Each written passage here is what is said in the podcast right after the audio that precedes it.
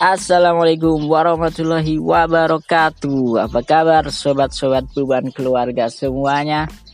Piye piye ke depannya piye lagi Jesuram Serapopo lah. Alhamdulillah di tengah kesibukan kita ngehalu dan overthinking kita masih bisa sharing tulisan-tulisan bertema keislaman di channel Fathul Kitab. Santri menulis Barokah Kiai Abadi. Tentunya dibawakan dengan seadanya, semoga bisa memberi manfaat waktu rubahan kita semuanya. Allahumma sholli ala Sayyidina Muhammad. Kali ini kita akan membahas tentang cerita Imam Nawawi kecil tidak disukai temannya untuk bermain. Ini adalah tulisan saya sendiri di media islami.co, salah satu media keislaman moderat yang didirikan oleh Safik Ali, pemimpin NU Online. Jadi waktu itu saya ditantang kawan saya untuk ngirim tulisan di islami.co bersama dia. Jadi kita lomba, kita janjian, ayo karena kita berdua gabut ya jadinya kita tantang-tantangan ayo kita coba ngirim ke media Islam.co yang menang atau yang dimuat itu nanti ditraktir di warung kopi di kafe-kafe kopi di Jogja. Eh, kebetulan waktu itu saya sedang gabut coba baca-baca kitab di rak kamar pondok saya yang di Jogja di Nurul Ummah saya nemu cerita Imam Nawawi kecil di Mukotimah salah satu kitab beliau kitab yang sangat terkenal itu Adibian fi Adabi Hamalatil Quran. Jadi setiap uh, kitab-kitab modern itu kan ada mukodimah uh, di sebelum mukodimahnya itu ada biografi musonef. Itu biasanya sangat menarik. Membaca biografi seorang ulama atau tokoh besar itu selalu menarik buat saya karena uh, kita bisa melihat prosesnya, bukan hanya kebesaran seorang tokoh saja. Jadi kita tahu prosesnya dari awal, bukan hanya melihat uh, tentang kehebatan-kehebatannya saja sehingga membuat kita minder. Dengan melihat proses kita bisa belajar bukan hanya sekedar kagum atau malah iri belaka. Dalam membaca biografi itu kita dapat mengetahui pada beberapa hal bahwa proses beliau-beliau itu dekat dengan kita. Misalnya ketika kita membaca biografinya Imam Ghazali ya yang belajar di banyak tempat seperti Jalajan, Naisabur, Baghdad. Itu kan sama. Kebiasaan seperti itu kan sama dengan kebiasaan para santri yang belajar di banyak pesantren. Tradisi santri itu kan nggak puas hanya mondok di satu pesantren saja ya. Tapi dia pindah ke pesantren-pesantren lain. Kalau si santri ini seperti kita kita ini kan pindah-pindah karena memang ilmunya belum cukup. Tapi mungkin kalau Imam Ghazali Imam Nawawi ini pindah-pindah karena memang uh, ilmunya sudah cukup dan haus akan ilmu. Tapi gak masalah. Yang penting itu ada kemiripan lah. Jadi kita nggak minder-minder amat lah kita bisa lah jadi penerusnya Imam Nawawi bisa lah ya. Dan kitab-kitab yang dipelajarinya pun juga tidak asing. Kita jadinya semakin bersemangat dalam menuntut ilmu. Jadi beliau itu jadi ulama besar bukan karena takdir bukan. Ya takdir tapi kitab-kitab yang dipelajari juga bisa kok kita pelajari. Jadinya ya yang penting berusaha aja. Yang penting mimpilah jadi Imam Nawawi. Kalau nggak kesampaian minimal seperempatnya Imam Nawawi itu kan lumayan ya Begitu pula saat saya membaca biografi Imam Nawawi, saya menemukan riwayat bagaimana beliau tidak disukai temannya untuk bermain. Saya pikir kisah ini bisa relate pada kita yang mungkin pernah merasakan bagaimana dikucilkan teman-teman waktu bermain. Uh, saya mengambil biografi yang ringan-ringan, yang uh, yang dekatlah dengan saya pribadi dengan dan mungkin anda-anda sekalian kita mengambilnya yang ringan-ringan saja Imam Nawawi tidak disukai temannya ketika bermain nah, yang diambil itu saja bukan ketika beliau bagaimana hafal Quran bagaimana itu kan sulit ya. Jadi yang ringan-ringan saja kita bahasnya. Kemudian eh, setelah mengetahui itu dari kitab tadi kitab Atipian saya riset kecil-kecilan cari kitab biografi tentang beliau di internet lalu coba nulis dan jadilah tulisan ini dan kirim di islami.co dan akhirnya dimuat uh, sebelumnya kita perkenalan dulu dengan Imam Nawawi jadi Imam Nawawi itu nama aslinya Syekh Abu Zakaria Yahya namanya Yahya ya Abu Zakaria itu berarti bapaknya Zakaria anaknya namanya Zakaria beliau Yahya bin Syaraf An-Nawawi atau Imam Nawawi. Nawa, Nawawi itu diambil dari kotanya yaitu Nawa, kota Nawa sekarang terletak di Syria. Beliau lahir tahun 631 Hijriah atau 1233 Masehi sekitar abad 13 ya. Di Indonesia saat itu di Jawa khususnya mungkin masih menganut kerajaan di Majapahit atau Singosari mungkin. Uh, beliau Imam Nawawi ini merupakan ulama yang sangat masyhur dalam keilmuan hadis dan fikih madhab syafi'i. Usia beliau sampai wafat itu 46 tahun, usia yang terbilang muda untuk ukuran ulama ya tapi dari usia 46 tahun ini beliau menghasilkan banyak sekali kitab-kitab yang dijadikan rujukan utama keilmuan Islam dalam berbagai bidang. Jadi bukan hanya satu bidang saja. Jadi keprofesoran beliau bukan hanya meliputi satu jurusan saja, tapi juga banyak. Ada fikih itu kitab beliau ada Ar-Rawdah Al-Minhaj Al-Majmu' dalam hadis matan hadis khususnya itu ada syarah ah matan dan syarah ya.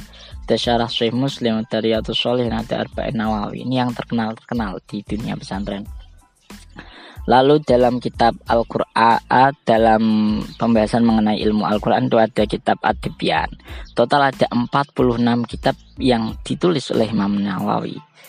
Ini jumlah kitab semuanya baik yang sudah selesai ditulis maupun yang masih dalam proses kemudian disempurnakan eh, oleh muridnya itu ada 46 kitab jadi sama dengan usianya jumlah yang sama dengan usianya 46 tahun. Jadi kalau dihitung rata-rata beliau ini setiap tahun menghasilkan satu kitab. Jadi sangat produktif. Uh, ayah beliau seorang zuhud dan wirai. Namanya Syaraf bin Muri Al-Hizami An-Nawawi. Zuhud dan Wirai ya bukan ulama. Jadi beliau tapi bukan ulama tapi terkenal wali. Ayah Imam Nawawi ini mempunyai toko di Nawa di kota kelahirannya Imam Nawawi. Imam Nawawi kecil hidup di toko tersebut di bawah pengawasan ayahnya. Setelah berusia 10 tahun beliau uh, ditugasi ayahnya untuk menjaga toko. Dalam melaksanakan tugas tersebut, beliau selalu mengisinya dengan membaca Al-Quran. Jadi ini dari kecil beliau ini sudah sangat dekat dengan Al-Quran ya. Dilihat dari bagaimana beliau ketika disuruh eh, atau ditugasi ayahnya untuk melakukan pekerjaan-pekerjaan eh, rumah, beliau mengisinya dengan membaca Al-Quran. Jadi saat uh, menjaga toko, beliau uh, menunggui pembelinya dengan membaca Al-Quran. Lalu kita masuk ke ceritanya bagaimana Imam Nawawi kecil ini tidak disukai teman-temannya. Lalu apa sih unik dari cerita itu? Bukankah cerita itu juga mungkin kita alami bersama ya tidak disukai teman-teman waktu delian kita jaga terus kita uh, dijebak untuk jaga home pimpah itu di teman-teman kita konspirasi home pimpah kita akhirnya yang jaga kemudian saat jaga malah ditinggal pulang. Itu kan sering ya. Tapi apa ya istimewanya cerita Imam Nawawi kecil ini? E, cerita Imam Nawawi kecil ini justru yang membuat orang-orang melihat tanda-tanda kebesaran beliau.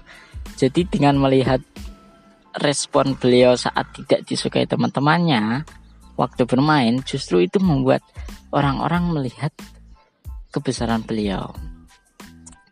Pemicunya adalah ucapan seorang wali yang kebetulan lewat di toko Imam Nawawi yaitu Syekh Yasin. Pada suatu hari Syekh Yasin bin Yusuf Al-Marakisi yang terkenal wali sedang melewati kota Nawa. Syekh Yasin melihat im seorang anak kecil yang masih berumur 10 tahun tidak disenang tidak disenang senangi kawan-kawan sebayanya untuk bermain bersama mereka. Uh, si anak kecil ini menjauh dari mereka dan menangis karena tidak disukai itu. Lalu apa yang beliau lakukan? Yang beliau lakukan justru malah membaca Al-Quran dalam keadaan sedih, tidak diajak bermain malah beliau membaca Al-Quran. Seketika Syekh Yasin langsung mencintai anak ini. Melihat kejadian itu Syekh Yasin langsung mencintai anak ini dan berkata pada Hafid-Hafid di Ketanawa, anak ini akan menjadi orang yang paling alim dan zuhud di zamannya. Orang-orang akan mengambil manfaat darinya, kata Syekh Yasin. Para hafid itu pun uh, sedikit menggojlok saya ya. Loh, Anda ini seorang peramal, po. Kok bisa tahu masa depan? Dijawab oleh Imam Naw Imam Ah, dijawab oleh Syekh Yasin. Tidak, sesungguhnya Allah yang membuat saya mengatakan hal itu. Jadi uh, mungkin karena beliau wali jadi di beritahu ya oleh Allah diberi ilham oleh Allah atau mungkin melihat bagaimana uh, berbagai dinamika-dinamika kehidupan, rumus-rumus kehidupan yang telah beliau alami sehingga uh, ilmu titan lah, sehingga beliau titan, wah ini akan jadi wali lah Imam Nawawi ini.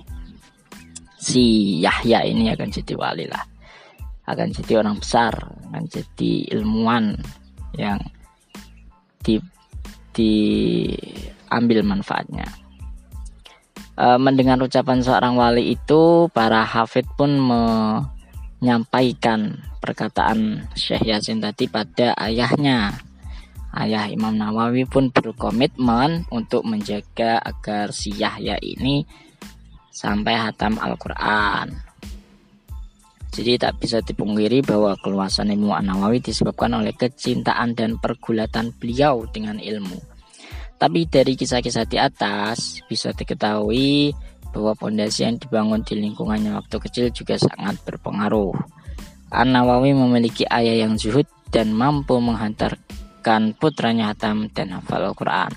Setelah umur 17 tahun, ayah Nawawi menyuruhnya pergi ke Damaskus untuk menuntut ilmu. Jadi dalam kasus Imam Nawawi itu hafal Quran dulu baru mondok hafal Qurannya sekitar usia 17 tahun. Jadi lulus SMA lah. Baru mondok. Kalau kita lulus SD mondok baru kuliah. Itu enggak enggak enggak sesuai Imam Nawawi itu. Imam Nawawi itu hafal Quran dulu diasuh oleh ayahnya keluarganya dulu. Sampai usia 17 tahun usia usia lulus SMA baru beliau mondok mondoknya zaman itu ya lebih dari kuliah ya mungkin ya sehingga menghasilkan orang-orang seperti Imam Nawawi. Uh, Imam Syafi'i juga seperti itu. Hafal Quran dulu baru mondok. Hafal Qurannya itu di usia 7 tahun ya kalau Imam Syafi'i. 10 tahun hafal muatta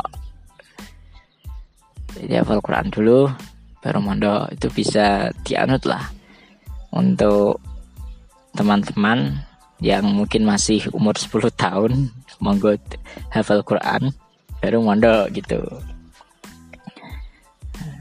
Tapi ya nggak sekolah. Itu gimana itu? Ya ya dipikir sendiri lah ya. Uh, kemudian dalam kisah di atas disebutkan bahwa Imam Nawawi juga tidak mengalami masa kecil yang sempurna karena tidak disukai kawan-kawannya untuk bermain bersama. Tapi hal itu malah dijadikannya ladang untuk beribadah dan melakukan sesuatu yang bermanfaat.